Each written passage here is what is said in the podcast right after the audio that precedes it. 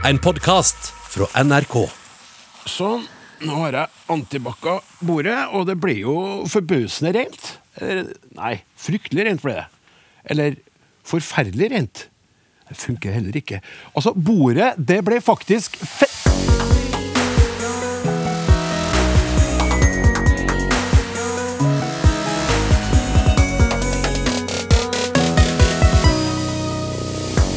Når du hører firmanavnet Fette Reint, blir du fly forbanna eller flirfull? Og hvorfor blir du det? Hva gjør en sportskommentator for å unngå verbale kjempetabber på direkten? Var du en av dem som gikk fem på da Sommarøy lot klokka seile sin egen sjø? Få helt ekte tips til hvordan du avslører falske nyheter. Velkommen til Språksnakk, hvor vi også har et hårete mål om å oppklare bruken av uttrykket våt drøm. Ukas panel består av språkforsker Anne Dahl, Daniel Ims fra Språkrådet og språkforsker Ruth Vatvedt Fjell. Velkommen skal dere være. Tusen takk. Takk for det. Og nå må vi advare om at det vil dukke opp ord som kan virke støtende. For i Tromsø har et firma fått avslag på bruk av firmanavnet Fettereint pga. at det er egnet til å vekke forargelse, mens eieren av rengjøringsfirmaet mener det er et helt vanlig dialektuttrykk som passer godt og vil gi dem oppmerksomhet. Og Daniel Ims fra Språkrådet, hvordan blir Språkrådet egentlig kobla på i en sånn sak? Ja, vi har blitt uh, kobla til uh, bruken av uh, fette som forsterker i, to omganger, kan du si. Det ene var da det ble en del oppmerksomhet rundt Fette Nice. Uh, men i dette, når det gjaldt firmanavnet her, så var det Brønnøysundregistra som tok kontakt med, med, oss og lurte på det med ordet fette i fette reint. da, for for vurderinga hos dem var jo om det ordet skulle kunne godkjennes i, som firmanavn. Og Det er jo da vi kommer inn og, og sier noe om eh, hva ordet betyr i utgangspunktet, og så er det ikke egentlig opp til Språkrådet å vurdere hva som da kan vekke eh, forargelse. Men et spørsmål fra, fra, vår kant var jo da ja, ville et, et firmanavn som Jævla Reint blitt godkjent? Og, og, da var vel svaret at det, det vil det ikke bli. Vårt råd var jo at, eh, at fettreint vil havne i samme kategori som eh, Jævla Reint. Altså at det er et eh, banneord, eh, tabuord, for dem som kjenner opphavet. Og så er vi fullt klar over at ikke alle gjør det, og at mange eh, bruker det uten videre, uten å tenke på, på hva som er opphavet. da. Ja, Hva er, hva er opphavet, da? Nei, Det er eh, ganske utvilsomt eh, fitte eh, og eh, dialektvarianter av det. Altså at det blir uttalt med e i veldig mange dialekter i Norge. Og, og som da forsterker enten som eh, fitte eller eh, fette. Og så sa du det at mange, inkludert eierne av rengjøringsfirmaet, mener jo at fette ikke henviser til kjønn i det hele tatt, men helt grei sånn dialekt, et greit dialektord. Eh, I alle fall i dag. Og Ruth eh, Vatvedt Fjell, eh, du har forska på bannskap, og du er forfatteren av Norsk banneordbok, som faktisk kommer i revidert utgave nå. Og der har du tatt med nettopp ordet fette. Ja, jeg tatt det med fordi det ble jo ganske kjent, særlig gjennom den Stjernekamp-opptredenen som var her i 2000. 19, eh, hvor, det, hvor, eh, vinneren sa at det var fette nice at han hadde vunnet. Og det satt også mange godt voksne, både kvinner og menn, i salen og vifta med et plakat der det sto 'fette nice'. Ja. Og det var jo i beste sendetid, og sånn, så jeg reagerte jo på det og tenkte at her blir det baluba. Det ble ikke det. I noen særlig grad. Eh, litt diskusjon ble det jo, men det ble veldig påstått at det hadde noe med fet å gjøre, og ikke med, med det kvinnelige kjønnsorganet. Hvilket jeg er helt enig med Daniel Lims i Språkrådet, at det er klart at det er betegnelse på kjønnsorganet. Mm. Hvordan vil du plassere det her ordet fette i den norske bannskapstradisjonen? Det hører jo helt tydelig med til den moderne banninga, hvor man eh, si, går i underbuksene på folk, stort sett. Det som skjer på en eller annen måte nå for tiden. Man, når man banner, så er det nesten alltid relatert til det som, det som vi i gamle dager kalte for benklær. Man kunne ikke engang si underbukser. Sånn at det vil si at det, det, å være tydelig på hva man snakker om, det endrer seg veldig. Og det går veldig på, særlig på det kvinnelige kjønnsorganet. Og som kvinne og feminist så reagerer jeg jo på det at man bruker dette, denne betegnelsen som jo egentlig er en negativ betegnelse. Den refererer jo til noe som lukter vondt. Det er jo det det er. Eh, og det, det er ikke noe eh, særlig hyggelig. Det er jo nedvurdering av kvinner. Og det faller inn i et sånt klart mønster, moderne bannskap, som som er patriarkalsk, med kvinner som skal være rene og kyske og holde seg til sin egen mann og ikke i det hele tatt. Men så kvinner som ikke er det, de får alle disse betegnelsene. Det er Ja. det det dreier seg om. I motsetning til tidligere, hvor man snakka om Gud og djevelen og brøt et annet bud og, og sånne ting for å banne, og det var sterkt nok. Ja, så det var mer på, mer på himmelens og dypets eh, Altså både oppe, oppe, oppe og nede.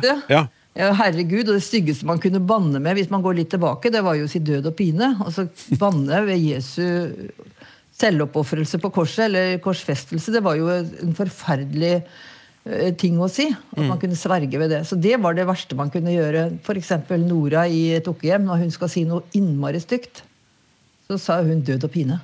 Ja. Eh, Og det måtte hun jo ikke si så Toralf kunne høre det. Det var liksom, det var det verste. Og så, og så etter hvert så har det blitt eh, den baksiden av guddommen, da, med Satan og djevler og alt som vondt er. Mm. Derfor vi sier sånn uh, Steike, for eksempel. Det dreier seg om hva som skjer i skjærsilden. ja.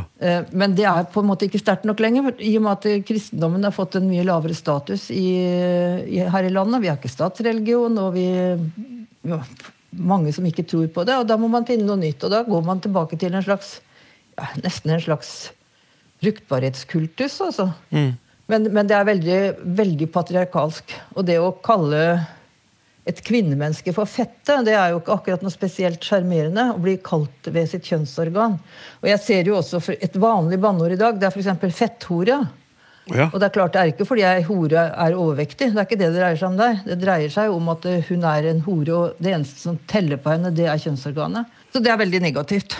Ja, så Da ser jeg jo bort på språkforsker eh, Anne Dahl, som eh, Du er tromsøværing. Jeg er tromsøværing. Og det må jeg kunne nevne i denne sammenhengen. Kvinne. Hva tenker du om firmanavnet Fette Reint? Ja, altså Det var jo et spørsmål om man ble forarga eller flirfull. Og som, som tromsøværing og som kvinne, så, og absolutt også som feminist, så må jeg vel innrømme at jeg havner i flirfull-leiren. For meg er det her et uttrykk som jeg sjøl har brukt. Eh, Jeg måtte bli gjort oppmerksom på det eh, for mange år siden, hvor det egentlig kom fra, før jeg tenkte over det. Eh, og, og har ikke noe grunn til å krangle på, på den etymologien de sier, men, men det hadde ikke slått meg. For meg veldig viktig, da, så selv om jeg absolutt kjøper det, så oppfatter jeg det ikke negativt. Eh, så Ruth har jo andre eksempler på helt klare negative bruker av, av kjønnsordet, som jeg også virkelig blir forarga av. Men akkurat fett er rent, hvis jeg ikke tenkte mer over det og bare sånn gikk rett på mage- og dialektfølelsen min, så syns jeg det er et kjempegodt ord. Ja. Eh, Men som språkforsker så skjønner jeg jo at det er Og det er ikke mitt felt, så som språkforsker mener jeg lite, men jeg hører på de som vet mer om det. Men, men magefølelsen min er at nei, det er et kjempegodt uttrykk. Ja, ok. Eh, Men mye av språkforskninga som du bedriver, inkluderer jo engelsk. Ja. Og vi har jo lånt noen banneord, eh, seksuelle banneord fra det språket. Jeg kommer iallfall på ett. Ja da, vi gjør jo det. Det vet jeg jo at eh, Ruth har samla på nye banneord. Og, og det er jo de to som jeg ofte ser som eksempel, da, er jo det, det man kaller F-ordet. Eh, som jeg vet at vi bruker mye. Og så er det shit, det er jo også veldig vanlig. Ja. Eh, og så er vi jo kreative nok til å hente inn veldig mange flere flotte banneord. Eh, det er jo sånn at eh, veldig mange andre språk banner mer i underbuksa enn det norsk tradisjonelt har gjort.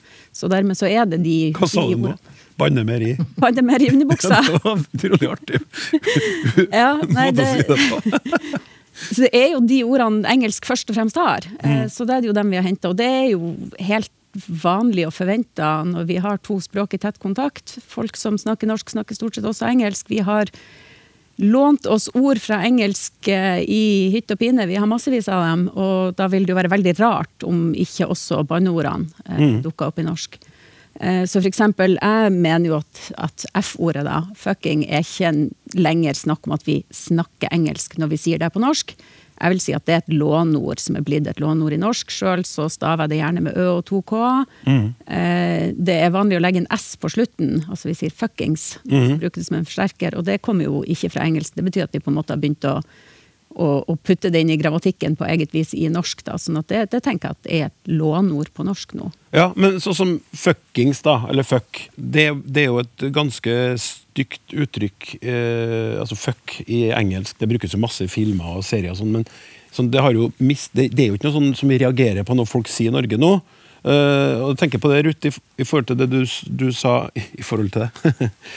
um, når det gjelder det du sa i sted, Ruth, om, om eh, fette, er det noe med at, at det har endra seg for de unge, at de ikke nødvendigvis vil skjønne hva du viser til når du snakker om det her med det nedsettende om, om til, i forhold til kvinnen? At de ikke tenker på det i det hele tatt? Det tror jeg du har helt rett i. Og det, man har ikke den kunnskapen, og så refortolker man det, slik som det er gjort her med fettet. At man har, tror at det har noe med feit eller fet å gjøre. Det er jo veldig rart at det skal være fett når man har vaska. Så det er for meg også veldig merkelig semantikk, egentlig. Men dette med fuck, det er jo også akkurat inn i samme mønsteret. For det er faktisk et gammelt norrønt lån, å slå, som vi har i Fokkseilet fortsatt. Og det sier jo veldig mye om perspektivet på seksualhandlingen. Da. Det er mannens. Så det er mannens eh, som slår kvinnen, da, som på en måte slår til. Eh, og det, det er jo også et veldig stygt og si, ukvinnelig ord. Da. Men jeg hører jo jenter bruker det. De bruker det faktisk vel så mye som gutter, og det er jo rett og slett fordi de ikke forstår hva de sier. Og Derfor har jeg bl.a. jobba med å dokumentere og gi ut denne banneordboka. For de orda står jo, sto i hvert fall ikke før i vanlige ordbøker. Eh, Og det er viktig at folk skjønner hva de sier, i det minste, sånn så de vet hva de driver med. For det er jo veldig pinlig egentlig at jenter snakker om å fucke. Det er egentlig fra amerikansk fengselsslang, og opphavet er jo menn som voldtar menn. Fordi Ja. de sitter bindet fast som straff. ikke sant? Det er jo helt forferdelige greier. Vi hadde sikkert her også når de sto i sånn gapstokk. Så det var jo det som var det fæle med å bli bundet fast, at folk kunne forsyne seg.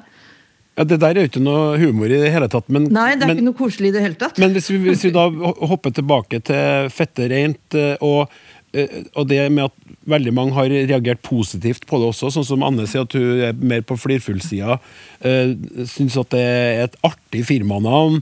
Og hva, hva tenker du, du om det sånn altså de, De endringene som skjer, er det bare er den kampen du vil kjempe for å få oss til å forstå hva som egentlig ligger bak, egentlig verdt å, å kjempe? Det er vanskelig å kjempe sånne kamper. det er, Språket går jo sin gang, men jeg syns det er veldig trist. Og jeg synes Hvis man blir oppmerksom på hvor patriarkalsk det egentlig er, og hvor negativt det er for vårt eget kjønn, så håper jeg at flere jenter tenker seg om. Jeg har vært veldig mye rundt på ungdomsskoler og i, hvor ungdom samles og snakka om dette her, og de blir ganske fæle, altså. Så mm, jeg håper det. Daniel, hva, tenk, hva tenker du, eh, sånn sett fra Språkrådets ståsted? Jeg vil jo si at eh, vi ser jo den eh, At det for mange har ei betydning når vi snakker om fettereint. At det, det har ei betydning som dialektuttrykk, som, som Anne her sier. Eh, Og vi gir jo ellers pris for gode firmanavn som bruker kreative dialektord osv. På et tidspunkt så må en av og til akseptere at et ord har endra eh, betydning, eh, og at eh, det vi her snakker om som folkeetymologi, altså egentlig er feiltolking, at det også kan endre på hva et ord betyr. Eh, et eksempel som, som mange brukte da i, min generasjon, da, er jo en kødd, å være bekødde. Eh, Og så skjønte vi jo at eh, det for eldre generasjon eh, var mye sterkere enn det var for oss. Før var du en kødd, da var du jo en, en, en drittsekk. Og nå er det å kødde og tull. Ja, det har jo også blitt påvirka fra engelsk 'kidding', som egentlig er å leke og tulle. og Kommer jo også fra norrønt fra kje, så det Ja. er også morsomt. Men, men så det, det var en sånn sammensmelting av betegnelsen på testiklene, da, som jo egentlig er putene, kuddene, som det heter på svensk. Okay. Det er jo ganske, ganske uskyldig ord, egentlig, det, da. Ja.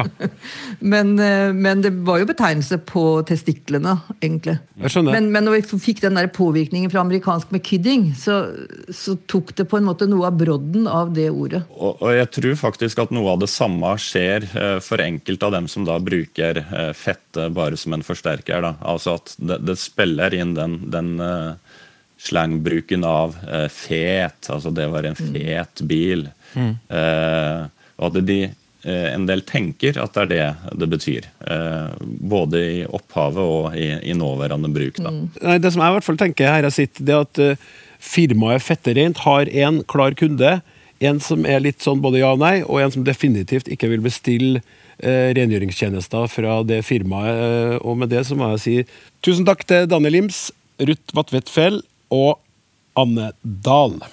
Språksnakk. Hei! Kanskje dere burde ta opp bruken av 'i forhold til'? Jeg har en følelse av at man hører det oftere brukt feil enn riktig.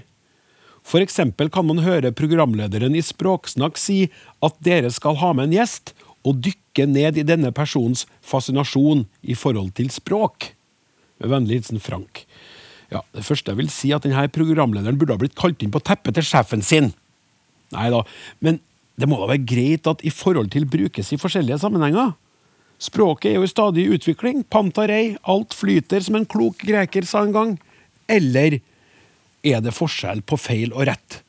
Hadde han noe for seg, Per Egil Hegge, da han lanserte begrepet forholdismen? I forhold til det temaet vi skal ha i neste sending, som altså er i forhold til, hva slags forhold har du til i forhold til, og bruken av det? Nå har du sjansen til å bli hørt. Skriv til snakk krøllalfa nrk.no. Og fra en ekte oppfordring skal vi over til falske nyheter. Åh, det var så stilig. Et lite sted nord i Norge hadde bestemt seg for å droppe klokka og satse på et tidsfritt samfunn. Gladnyheten gikk verden over i 2019, men få dager senere var Sommarøy-skandalen et faktum. Det viste seg at det meste var dikt og forbandet løgn. Et PR-stunt av slueste, eller skal vi si smarteste, sort. Hvordan kunne vi la oss lure? Ei mulig forklaring på det får vi i den nylig utgitte boka Inn i sakens prosa, hvor vi også blir presentert for noen verktøy som kan brukes til å luke ugress ut av tekstbedet. Velkommen til bokas forfattere Johan L. Tønneson og Marte Blikstad Balas. Tusen takk. Vi skal tilbake til Sommarøy om litt, men først så tenker jeg det er greit med klargjøring. Marte, hva er egentlig sakprosa? Sakprosa, det er mye. Det er egentlig kan vi si at det er alle tekster som vi som lesere da har grunn til å oppfatte som en direkte ytring om virkeligheten. Og Det betyr ikke at vi trenger å være enig i at det som står der er en god beskrivelse av virkeligheten, men vi må på en måte tro på at eh, den som har skrevet dette, har ment at dette er noe som sier noe virkelig og sant. Og Det betyr at det er mye som faller inn under den definisjonen. Altså det kan jo være alt fra avisartikler og skilt og ting som står varedeklarasjoner på et syltetøyglass. og eh, Alle sånne tekster som prøver å si noe om noe virkelig, vil falle innenfor den definisjonen. Et, eller Dere har jo så fint eh, bilde på det i starten av boka. Syns jeg du kan nevne. Det her eh, babybildet. Ja, Ja. vi er veldig fornøyd med det, vi også. Vi har jo sagt at sakprosaen følger deg fra, på en måte fra vugge til grav. Eh, fordi noe av det første et menneske får på et norsk sykehus, er jo en liten tekst på armen hvor det står en sånn liten plastlapp med et navn eh, på barnet. Og det er sakprosa, for det er jo en opplysning om hva dette barnet skal hete. Ja. Eh, og så er det sakprosatekster som rammer inn menneskelivet fra, fra så ung alder helt til det er slutt. Ja, men, men, men hvorfor er det viktig å skille mellom sakprosa og andre tekster? Det er jo fordi at sakprosatekstene er på en måte eh, litt mer metaforisk, så kan vi si at de er samfunnets liv. De rammer inn utrolig mye av det som regulerer livene våre. Og da tenker vi at det er viktig å ha et skille mellom det som er ment å si noe om virkeligheten, og det som er f.eks. en roman eller en annen tekst som ikke er ment å si noe om virkeligheten. Uh, Johan, eh, apropos det med virkeligheten. For noen år siden så lanserte du et begrep, nemlig etterrettelighetsregime. Hva er det for noe? Ja, det er et prinsipp om at vi skal skrive, snakke, ytre oss etterrettelig. Og regime, det høres jo voldsomt strengt ut, men eh, det er så å si tvert imot. Dette er noe som sikrer demokratiet. Det å snakke oppriktig, det er det en eh, språkfilosof som heter Grice, som har satt opp noen prinsipper om. Jeg skal bare si de fire. Og det er sånne som vi som, når vi er i radio, må prøve å tilstrebe også. ikke sant? En, vær oppriktig. To, vær informativ. Tre, vær relevant. Fire, vær klar. Hvis man lever opp til det, så respekterer man etterrettelighetsregimet, som igjen er en forutsetning for hele dette sakprosabegrepet, sånn, sånn som vi forstår det i dag. Hva slags konsekvenser kan det få om man ikke er etter, etterrettelig? Da jeg kom med det begrepet uh, i en bok i 2012, så la jeg merke til at studentene grein litt på nesa og syntes at jeg var litt sånn Tante Sofie-aktig. Selvsagt må vi kunne stole på hverandre, og selvsagt er vi etterrettelig i et demokrati. Men så kom Trump, og da er det nesten ikke nødvendig å si mer. Hva som blir konsekvensen om man ikke er etterrettelig. Man undergraver tilliten. Tilliten mellom folk. Tilliten mellom myndigheter og borgere. Og dermed hele vilkåret for demokratiet. Så Marte kalte sakprosa for samfunnets lim. Jeg har kalt det for samfunnets lim og hukommelse. Og hvis man altså tar og løser opp det limet, så detter demokratiet så å si sammen. Eh, og, eh, og en av de tingene når du nevner eh, USAs forrige president, er jo falske nyheter, fake news, som er blitt et kjent begrep, godt hjulpet fram av Mr. Trump. Men fenomenet er vel eldre enn som så? Ja, Fenomenet er nok omtrent like gammelt som, som menneskearten. Men jeg lærte akkurat nå at eh, begrepet fake news dukket visstnok første gang opp i 1991. Men jeg bare skal trekke fram én typisk fake news-tekst som er utryddelig, ser det ut til. Og det er Sions vises protokoller, som er et antisemittisk dokument som ble publisert i 1903, endelig avslørt i 1921. Altså, det feirer for 100-årsjubileum nå. Og det sirkulerer rundt blir trykket i nye opplag hele tiden. Så fake news er et gammelt fenomen, og det er noen som vil noe med det. Ja, men ja, nettopp det. Hva er poenget med å lage falske nyheter? Jeg bruker akkurat den uh, Sions vises protokoller som, som illustrasjon. Da. Der er det jo noen som har en antisemittisk agenda, som skal fortelle om en konspirasjon hvor jødene er i ferd med å overta verden. Og hvis man først har den agendaen, så må man eh, lage noen historier som bygger opp under den, og som folk tror på. Og når de blir fortalt det mange nok ganger, så tror man på det. Og dette med konspirasjonsteorier har jo vært veldig framme nå i debatten i det siste. Og vi skal selvfølgelig være veldig forsiktige med å bli så mer katolsk enn paven og begynne å slå ned på en journalist bare fordi at han oppgir antall meter feil eller slurver litt med en henvisning eller sånn. Det er ikke det fake news dreier seg om. Fake news dreier seg om systematisk undergraving av sannhet. Marte, hvorfor har vi så vanskelig for å skille falske nyheter fra ekte? Det er jo, altså det litt tabloide svaret på det er jo at eh, vi ofte ikke prøver engang. Eh, altså, det som gjør det veldig vanskelig i dag å være leser, det er at vi aldri har hatt så mye tekst rundt oss som nå. Så noe av det viktigste vi gjør når vi f.eks. prøver å lese litt på internett, det er jo å velge bort fryktelig mye. Og de valgene vi tar på hva vi vil lese og hva vi eh, velger å bruke tiden vår på, de går fortere og fortere. Og veldig mange av disse tekstene er også skrevet for å dra oss inn. altså De spiller ofte på følelser, sånn at vi blir opprørt og sinte og provoserte. Og så er de ofte skapt for å deles fort. Og når alle disse valgene blir tatt veldig kjapt, og man ikke stiller seg det veldig veldig grunnleggende spørsmålet om hvem er det som har skrevet dette, og hva er det de egentlig vil meg, eh, da kan det fort gå litt galt. Og Før i tiden så kunne man si at, at det var lett å kjenne igjen dårlige nettsider fordi de hadde mye reklame og mye stavefeil, og det var mye sånn som man kunne se med en gang, nesten før man leste teksten. Mens nå er det veldig mange som har blitt veldig proffe på falske nyheter, fordi det er mye penger å tjene på det også via annonseinntekter og, og såkalt clickbait. ikke sant? Sånn at eh, Det å lokke lesere til seg og få full spredning på, på falske nyheter, det, det er god eh, business, rett og slett. Øh, Nå nevnte du noen punkter, men hvis, hvis vi, nå, nå, skal vi, nå skal vi gi litt læring til, til lytteren her. Hvordan skal man bli mer kritisk til det man leser og ser og hører? Hva hva er viktig da? Kom med noen punkter til oss. Ja, altså Det høres jo nesten banalt ut, men man må rett og slett starte med en helt sånn enkel tekstanalyse av å stille spørsmålet hvem er avsenderen her? Hvem er det som har lagd denne teksten? Er det, er det et nyhetsbyrå jeg har hørt om før, f.eks., hvis det er en, en nyhetssak? Eh, hvem er kilden?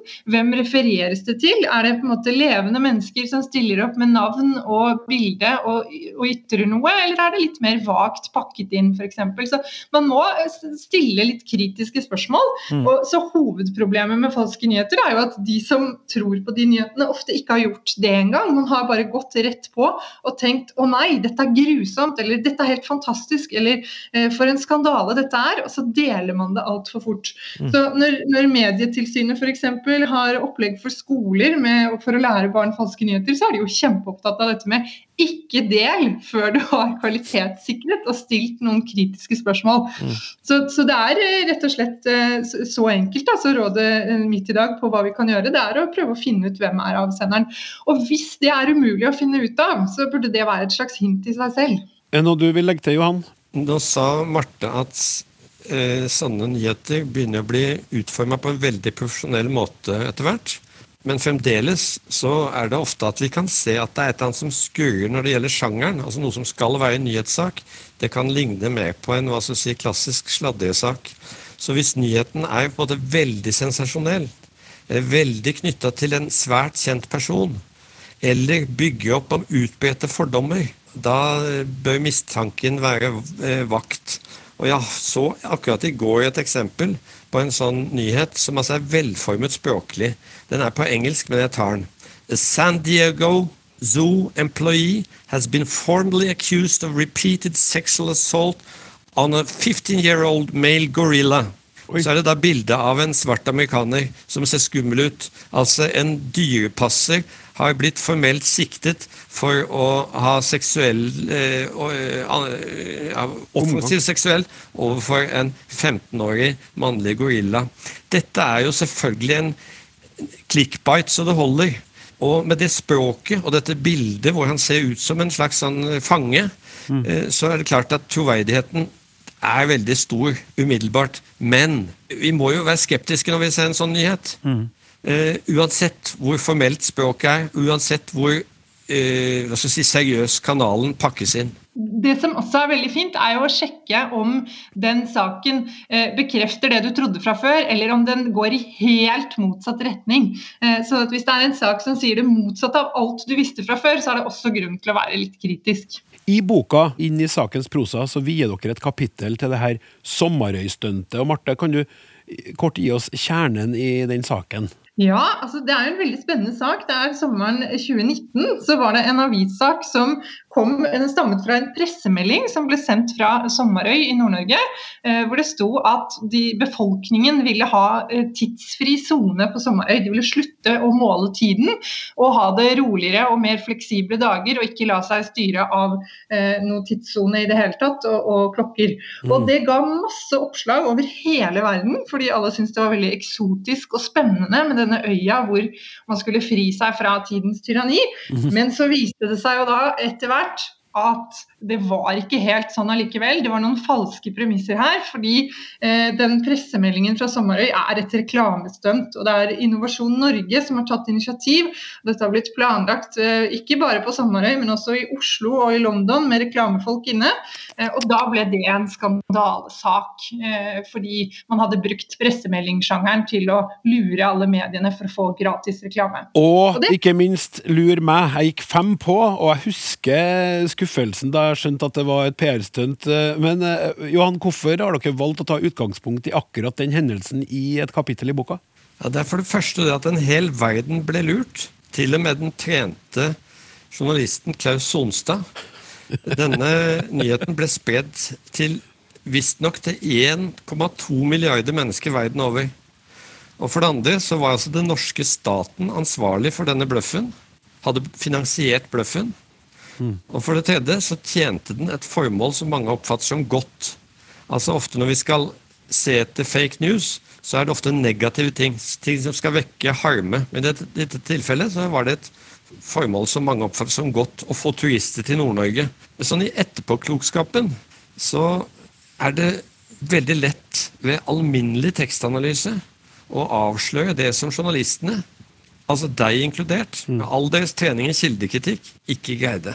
Og Det er det vi prøver å gå i gang med i det kapitlet. da. Ja, det det- har vært ganske gøy å skrive sammen med Marte. Ja, det er spennende lesning òg. Det er artig å lese det. Marte, dere lot jo to fokusgrupper med elever ved en videregående skole i Oslo se nærmere på Sommerøy-saken. og Hva tenkte elevene da de først leste saken uten å få noe nærmere forklaring?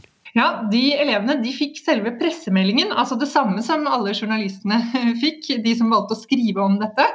Og de syntes teksten var veldig kjedelig. De syntes det var en veldig rar pressemelding.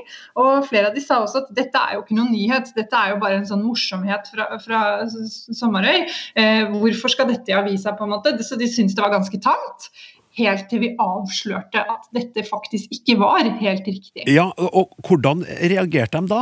Da syntes de det var kjempegøy, og de ble veldig imponert. Og eh, jeg syns det var veldig morsomt å intervjue dem, fordi eh, det, var veldig, det var veldig tydelig at de var positive. De, de så ikke på en måte så veldig store problemer med at pressemeldingssjangeren hadde blitt eh, misbrukt. Jeg som tekstforsker syns jo det er helt skandaløst, selvfølgelig. Ja. Mens elevene syns det var eh, kreativt og spennende og bra for Sommerøy. Og de hadde også veldig sympati for på en måte formålet, altså skaffe flere turister til Nord-Norge. Det hadde de sans for. Det her var interessant. Det synes jeg. Det var jo, så vidt jeg husker, kun ei jente eh, i denne gjengen som reagerte med forferdelse og syntes det var utidig å, lure folk sånn. Men Johan, hva tenker du om eh, elevene sin reaksjon? Si det noe om tida vi er, er inne i? Ja, og jeg legger merke til at min kjære medforfatter Marte sier at det var morsomt å merke elevens reaksjon. Og det er det, er, det, det er fascinerende. Samtidig så er jeg nok dypt skeptisk når jeg møter holdningen at hensikten helliger middelet, når middelet er en fabrikkert nyhet. For altså, de syns, Noen av disse elevene sa det samme som markedsførerne bak kampanjen sa, at, at folk trenger gode historier. Og dette er en god historie. Og da er det ikke så farlig om den er sann. Så det som vi startet med, med dette etterrettelighetsregimet, det syns jeg altså det er viktig å styrke oppslutningen om. Så jeg eh, syns nok at vi har en ganske stor oppgave der i å, at folk kan skille mellom mellom, eh, mellom sannhet og løgn, simpelthen. Det må jeg få legge til at det syns de elevene også. Eh, og det, det, er, det er noe av grunnen til at jeg syns det var morsomt å snakke med dem også om akkurat denne saken. Fordi de syns eh, falske nyheter i seg selv og i, i teorien er kjempeproblematisk. Og de snakker om at Trump lyver, og at det er veldig, veldig ille for, for verden. Men de syns at akkurat den saken her var uproblematisk. Og det syns jeg er litt spennende. fordi eh, det, det viser også at de er mer opptatt av hver enkelt sak enn dette skillet mellom løgn og sannhet. Og, eh, vi spurte de jo til og med om det var et problem at Aftenposten Junior, altså som er myntet, en avis myntet på små, relativt små lesere, barn som, som kan lese eh, avisa selv i barneskolealder. Og det syns de heller ikke var så problematisk, for de mente at de barna må også lære seg å lese kritisk. Så, så de legger på en måte litt eh, skylda både på journalistene som lot seg lure, og så syns de nok at det var en veldig sjarmerende falsk nyhet. Helt til slutt, eh, til dere to, og med ønske om et eh, kort og konsist sist svar. Er det håp, mener dere, om en ektere og mer etterrettelig verden? Hvis jeg skal begynne, så sier jeg at et håp faktisk ligger i pandemien nå. Ja. For de som dyrker konspirasjonsteorier, f.eks. at covid-19 skyldes det nye 5G-nettet, de, de er helt marginale. De er skjøvet helt ut på sidelinjen. Eh, Vi skjønner at hele pandemihåndteringa hviler på dette etterrettelighetsregimet, som har en tillit og oppriktighet som forutsetning. Marte? Ja, jeg tror også det er en god ting at vi i Norge har valgt å ta kritisk tenkning inn i læreplanen og gjort det til en på en måte eh, målbar kompetanse, altså noe vi vil satse på. Det syns jeg også er lovende. Tusen takk skal dere ha, Marte Blikstad Balas og Johan L. Tønneson, forfattere av boka Inn i sakens prosa. Vi skal snart la språkforsker Anne Dahl bryne seg på et lytterspørsmål eller to, men nå er det klart for ukas gjest i Ut med språket. Han snakker gjerne til oss via TV-skjermen i timevis uten manus, men sportskommentator Jan Post liker ikke å høre på seg sjøl etterpå. Språksnakk i appen NRK Radio. Vi er inne i et aldri så lite skred av vintersportturneringer. Deltakerne i VM i skiskyting og alpint har knapt rukket å pakke sammen før klodens beste skiløpere, hoppere og kombinertutøvere gjør seg klar til dyst på tysk snø i Oberstdorf. Men der er ikke du, Jan Post. Det er jeg dessverre ikke. Sånn er jo verden blitt. da, at Vi reiser jo ikke dit det er skirenn uh, lenger, og det har jo sine klare årsaker. Så det blir et litt spesielt mesterskap for oss å sitte i en kjeller uh, på NRK Marienlyst Oslo og late som vi er i Oberstdorf og leve oss inn i skirennene der. Ja, hvordan blir det å formidle skirenn fra et studio langt, langt unna der de faktisk går?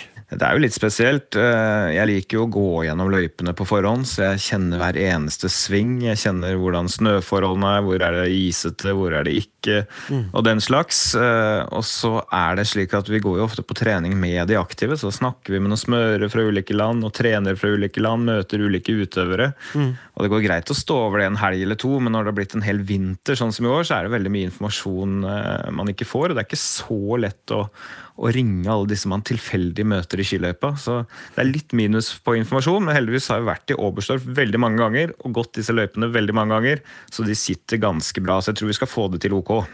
Ja, eh, altså Sportssjef i NRK, Egil Sundvår, han hevda til ei avis, om han da er sitert korrekt, at du og din kollega Torgeir Bjørn kommenterer like godt hjemmefra. ja, det, det, gir han ikke helt rett i, da. Men uh, jeg tror vi skal klare det ok. Og det er en fordel som sagt at vi har vært der uh, ti ganger tidligere, og Torgeir har sikkert vært der 30 ganger. Så vi er godt kjent sånn sett, og vi har jo gode linjer til det norske lag og norske utøvere. og vi har reportere på plass. så vi, Det flyter litt informasjon til retning til oss, men det er, det er lettere når du er til stede. Det er mer informasjon. og og du kan jo titte litt ut av vinduet og se ting som ikke er uh, i TV-skjermen nå. Så nå sitter vi med akkurat de samme bildene som alle hjemme. Mm. Og uavhengig av om, om, du er, er, her eller der, så skal jo du snakke på direkten i timevis. Hvordan forbereder du deg for sånne mesterskap? Du har jo sagt litt om det med å gå, gå altså, sjekke løyper og forholdene og sånn, men er det andre ting du gjør? før du setter deg ned og, begynner å rapportere til oss uh, seere? Det er litt som å lese opp til eksamen, altså en muntlig eksamen. Eh, vi gjør veldig mye sånn arbeid som etter hvert blir ganske kjedelig. Det er jo statistikk på alle utøvere, selvsagt, og spesielt de norske. da, Om alle mesterskap de har vært med før, hvordan de har gjort i Oberstdorf tidligere, i disse løypene. Eh, hvor folk har vært på samling osv. osv. Også tidligere VM-resultater generelt. Prøver å ha kontroll på det. Så det er ganske mye sånn statistikkarbeid. Jeg liker å ha et sånn sikkerhetsnett i bånn når jeg skal ut og kommentere i så mange timer, så jeg alltid har noen opplysninger. Eh, så dette jobber vi med, først generelt, og så når startlisten for det enkelte rennet kommer, kanskje klokka seks på dag, dagen før rennet, så, så, skriver jeg inn for hånd en del opplysninger på hver eneste løper. Ja. Sånn at jeg har det kjapt tilgjengelig. Altså Det er ikke tid til å, å begynne å google og sånn under sending. Jeg må ha det på en, på en tidels varsel. Så da må jeg finne fram til informasjonen, og så husker jeg bedre når jeg har skrevet den ned. Eh, og det, det er sånn en del av eh, verktøykassa, det å ha eh, fakta som du kan krydre med underveis og, og fylle med ikke sant, i alle, alle de her timene. Men selve språket ditt, da, hvor, hvor bevisst er du på kommentatorspråket ditt mens du driver og snakker, og da har du jo ikke manus. Du kan ikke ha manus til noe som skjer der og da. Nei, det er veldig lite manus i min bransje. Det er nok noen som kanskje skriver ned noe åpning, altså det første halve minuttet du snakker og, og sånne ting. Men jeg gjør aldri det. Jeg har aldri noe manus. Men jeg føler at forberedelsene i hvert fall gjør at uh, jeg har litt mye å komme tilbake til. Det hindrer meg å gjenta meg selv for mye hvis man har gjort grundig forberedelse, syns jeg. Da har man hele tida mye å velge i. Men jeg prøver jo å variere språket litt, men det er jo mye av det samme som skjer gang på gang på gang i, i sport. Da. Så det er jo det er en krevende utgave. Det jeg kanskje burde vært enda mer opptatt av, av språk enn det jeg er, egentlig. Um, og så er det det gode gamle med uttale av navn. Da. Det er jo det ja. veldig mange er opptatt av. Og der prøver vi jo å snakke med utøvere og, og trenere og ledere. Hvordan uttaler dere eh, navnet til denne personen på, på deres språk, og, og, gjøre et arbeid der. Eh, så det er litt, litt sånne ting, da. Får, får, du tilbakemeldinger fra lyttere hvis du, hvis du sier noe feil? Er det noen som melder, ja. melder deg? Ja, jeg har fått alt fra lange mailer på flere sider fra norsklektorer til at folk reagerer på navn. Men det er jo ikke alltid folk har samme informasjon som vi får. Altså Man kan jo få beskjed fra fransklærere rundt omkring at man uttaler franske navn feil, f.eks. Så har vi snakket med utøverne selv. Dette er egennavn som kanskje går litt utafor regelverket, og de Ja. sier det sånn selv. så så vi har et par-tre gjengangere da, som, av navn som vi stadigvis, stadig får protester på. Men når vi har snakket med utøveren selv, så føler vi oss ganske trygge på at vi sier det rett. Men det er det ganske mange andre som ikke er trygge på. Da, så det, det er sånn evig engang. Hva er det som er viktig å prøve å unngå når man kommenterer sportsbegivenheter på direkten? Hva er det du virkelig prøver å styre unna? Nei, altså Man har jo ikke lyst til å si for mye grammatiske ting feil, og så prøver man å ikke være for kjedelig, og så prøver man ikke å gjenta øh, så mye. Men når vi er på direkten i så mange timer På det verste så har jeg vel vært på direkten ni timer på en dag. Det er ikke til å unngå. så Hvis noen hadde tatt opp en vanlig samtale mellom folk i ni timer, så hadde det blitt sagt ganske mye rart på de ni timene sånn rent grammatisk. Ehm, og det er jo av og til at man rett og slett starter på setninger hvor man ikke vet helt hvor de kommer til å slutte. Så det, så det blir jo litt feil av og til. Um, så det, det er jo en utfordring. Ehm, det er jo et muntlig språk, det skal være levende. Jeg vil jo ikke at dette skal være for planlagt. Jeg vil være meg sjæl, jeg vil være spontan, og jeg vil leve inn i skirennet eh, og være til stede i øyeblikket med en gang jeg skal begynne å vurdere for mye, så syns jeg mister noe av det, da, som er, som er gløden. Ja. Min oppgave er jo kanskje å gjøre skirennet litt mer spennende for folk hjemme enn eh, det hadde vært om de ikke hadde hatt noe informasjon eller kommentator i det hele tatt. Ja, Men det å snakke på direkten fører jo uunngåelig til noen feilskjær eller fornøyelige, spontane formuleringer. Jeg har søkt kjapt på nettet og øh, fant de her tre prakteksemplene øh, fra andre, da, så vi må ikke bli nervøse nå. Eh, Øyvind Johnsen sa øh, i sin tid da gjenstår to øvelser her i NM. 400 meter hekk for kvinner og 400 meter menn for herrer.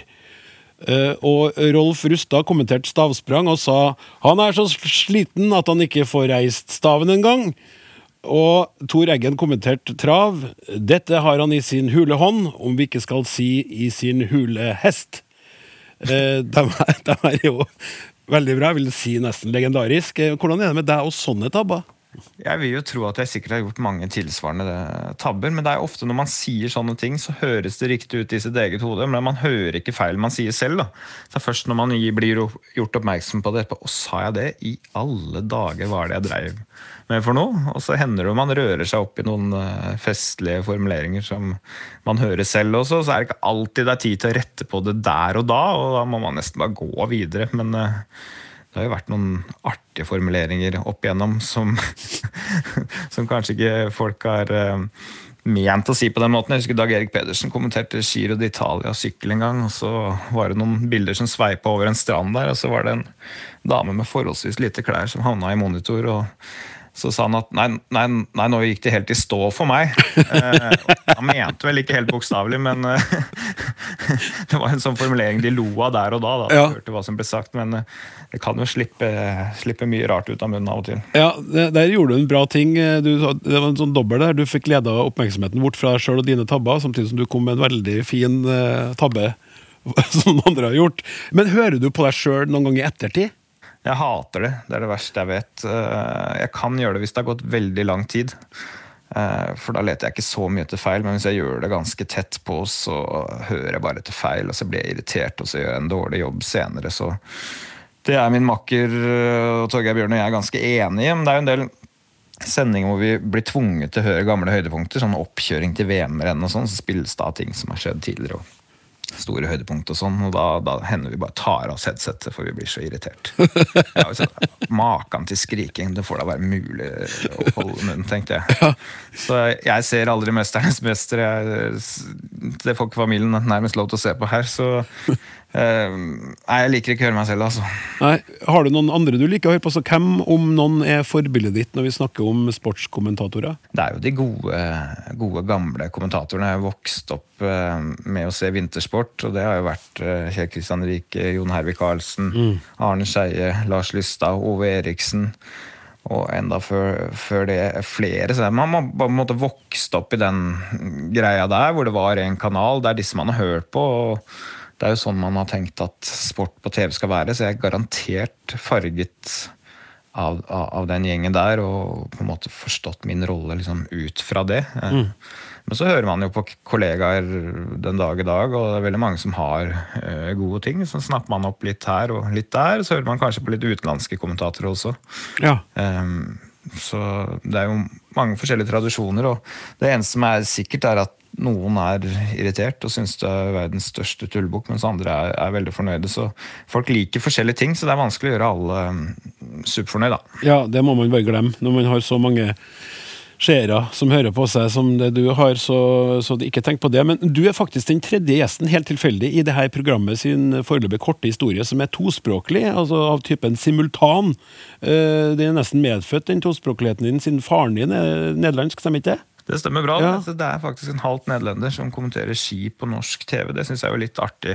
Ja. Eh, jeg er ikke så stø i nederlandsk som jeg kanskje burde vært. Burde egentlig kommentert skøyter, så jeg har fått kommentert flere nederlandske navn. Ja, men, men, men altså, du har jo vokst opp med to språk. Hva, hva tror du det har betydd for deg i sånn språksammenheng? For ditt språk? Altså, jeg var jo mye hos familie og sånn da jeg var, var, liten og fikk høre mye, mye nederlandsk, som gjorde at jeg fikk altså tidlig et bevisst forhold til at det var flere språk. Da. Og så jobbet jeg kanskje ganske hardt for å prøve å imponere bestemor med å uttale ting riktig på nederlandsk og sånn når jeg var der på ferie. Så det fikk jeg jo litt inn, da. At man måtte jobbe. Det var ikke så lett å uttale ting som var vanskelig. Eh, og det sitter jo litt nå, igjen nå, at man må må pugge det litt. Ellers så, så syns jo faren min at det var nok med å lære seg norsk en periode der, så han var ikke så flink til å snakke nederlandsk til oss hjemme, så jeg ble aldri helt flytende i nederlandsk. Eh, du er jo en dedikert løper. Det har han jo fått med seg hvis man uh, følger med på nyhetene og er litt uh, interessert i sport, egen sport. da. Men trener du også på å bli en bedre sportskommentator? Øver du deg? Sitter du og liksom jobber med åpninger og og hvordan du sier ting? Nei, ikke så mye av det, men jeg tenker mye, f.eks. når jeg er på løpetur, på, på særlig før konkurranser, da, på hva som er viktig. Se for meg ulike scenarioer. Hvis den vinner, hva må jeg huske på da? Hvis den vinner, er det noe jeg kan spille på? Så det, mm. det, er en sånn kontinuerlig tankeprosess som i hvert fall i sånn VM-perioder går nesten døgnet rundt. da. Og så er det jo evaluering med de jeg jobber i teamet, eh, både i forkant og etterkant. Så vi, vi tar opp ting sånn sett. Så, så er det jo en, en, stadig prosess hvor man tenker på det med å prestere. Da. Så det minner jo litt om å være toppidrettsutøver, men jeg sitter ikke med opptaker og, og, prøver å forberede meg sånn, og så lytte om igjen. Og, nei, jeg er glad jeg ikke har noe sånn manusbasert. Det er ganske fritt sånn sett. Ja, Men hva er det mest utfordrende, vil du si, med med den jobben du har, som selvfølgelig gir masse glede og store øyeblikk, og du formidler noe som er viktig for eh, oss, eh, hjem til oss da, fra ulike steder. Eller nå er du hjem sjøl og formidler noe et annet sted, men, men, hva er det mest utfordrende? Hva er det som krever mest av det? Det er å være til stede i øyeblikket. Man er jo livredd for å gå glipp av noe. Hvis man titter i papir eller rundt at man går glipp av noe veldig viktig. og så tenker jeg at det er viktig å treffe litt når det virkelig store ting skjer. Da. Det er jo feil, altså, kjedelig å gjøre tabber på et oppløp som du vet kommer til å bli spilt om igjen og om igjen i et par tiår framover. Liksom. Da bør du helst være litt på, på hugget, samtidig som man liksom ikke skal tenke for mye på det. Hvis jeg hadde sett for meg altså jeg på det meste kommentert for to millioner mennesker, hvis jeg hadde sett for meg to millioner mennesker foran meg, så hadde jeg ikke turt å si et pip inn i mikrofonen. liksom. Så, men jobben er jo den samme om det er 100 som hører på, eller to millioner som hører på. en måte. Men det er det å være til stede i øyeblikket. altså, som At man kommer eh, på en måte i den sinnstilstanden at man bare lever med. Litt som når jeg var 10-12-åring og fulgte med på sport hjemme. Det er det jeg liker ved jobben nå, at jeg liksom kan være så inni det. Det er ingen mobiltelefoner eller andre som forstyrrer meg fra å følge med. Jeg bare lever meg inn i det fullt og helt.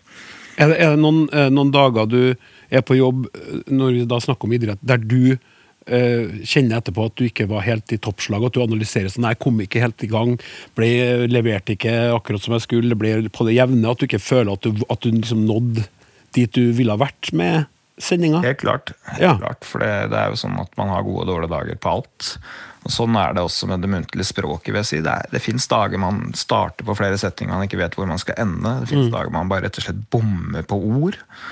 Og man gjør dumme feil. altså Man er rett og slett ikke 100% på hva det skyldes. Man har sovet øh, dårlig, eller man rett og slett bare har en, en dårlig dag. Det kan være andre ting i livet. eh, Jeg vet ikke. men Jeg prøver jo selvfølgelig å ha færrest mulig av de dagene, men det er helt klart dager man Det er lettere å prate enn andre dager. Rett og slett. Jeg håper at du får eh, lettprata dager når du nå skal rapportere fra Oberstdorf eh, fra Oslo. eh, om, om løpene fra Oslo. Men jeg må helt til slutt be deg om, å, eh, om en ting. Ut med språket, Jan Post. Hva er ditt favorittord? I denne sammenhengen så vil jeg kanskje si eventyrlig. Hvis noe blir eventyrlig bra i Oberstdorf, så er det en stor greie. For at det er litt det at idrett handler om, om drømmer.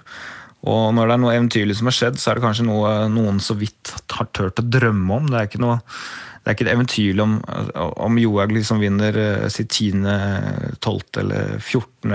VM-gull, men hvis det skjer noe som man ikke hadde sett for seg, så alle blir overraska, og det er en eller annen utøver som får opplevd sin største drøm. Det ordet beskriver litt av det, så det er sånne øyeblikk jeg, jeg lever for.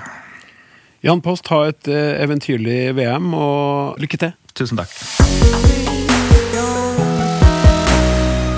Da står lytterspørsmål for tur, og språkforsker Anne Dahl eh, er klar i stolen. Hei!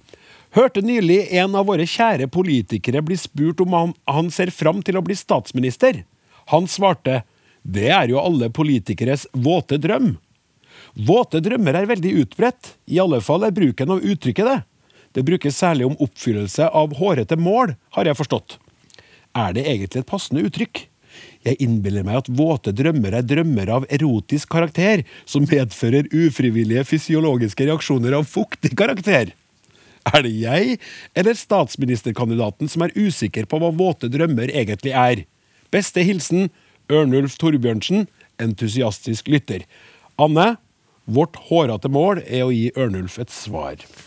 Ja. Eh, altså, Ørnulf har jo absolutt ikke misforstått uttrykket. Eh, en våt drøm er absolutt en seksuell drøm med påfølgende resultat. Eh, og det er jo på en måte den, den faktiske betydninga til uttrykket, eh, som faktisk muligens kommer fra engelsk. Jeg har i hvert fall sett at det har vært brukt først på engelsk, wet dream.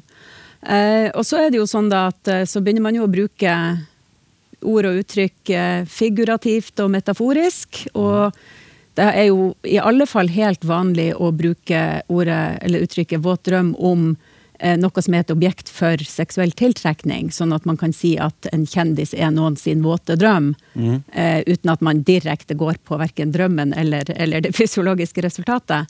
Eh, og så er det vel blitt mer og mer vanlig da, å, å bruke det i enda mer overført betydning, der man litt tar ut eh, den seksuelle betydninga og bare mener en, en stor drøm eller en ønskedrøm, som jo er uttrykk som har vært brukt lenge på, på samme måte. Eh, og det Jeg gjorde litt research, og det har i hvert fall vært brukt sånn siden 90-tallet. Eh, og folk har også reagert på det siden 90-tallet. eh, og da går det jo litt tilbake til det her igjen med hvor uttrykk opprinnelig kommer fra, og hva de nå brukes som, og hva taleren mener, og hva folk rundt oppfatter. Eh, og her føler i hvert fall jeg at denne linken til at det er noe seksuelt i en våt drøm, den er fortsatt såpass sterk.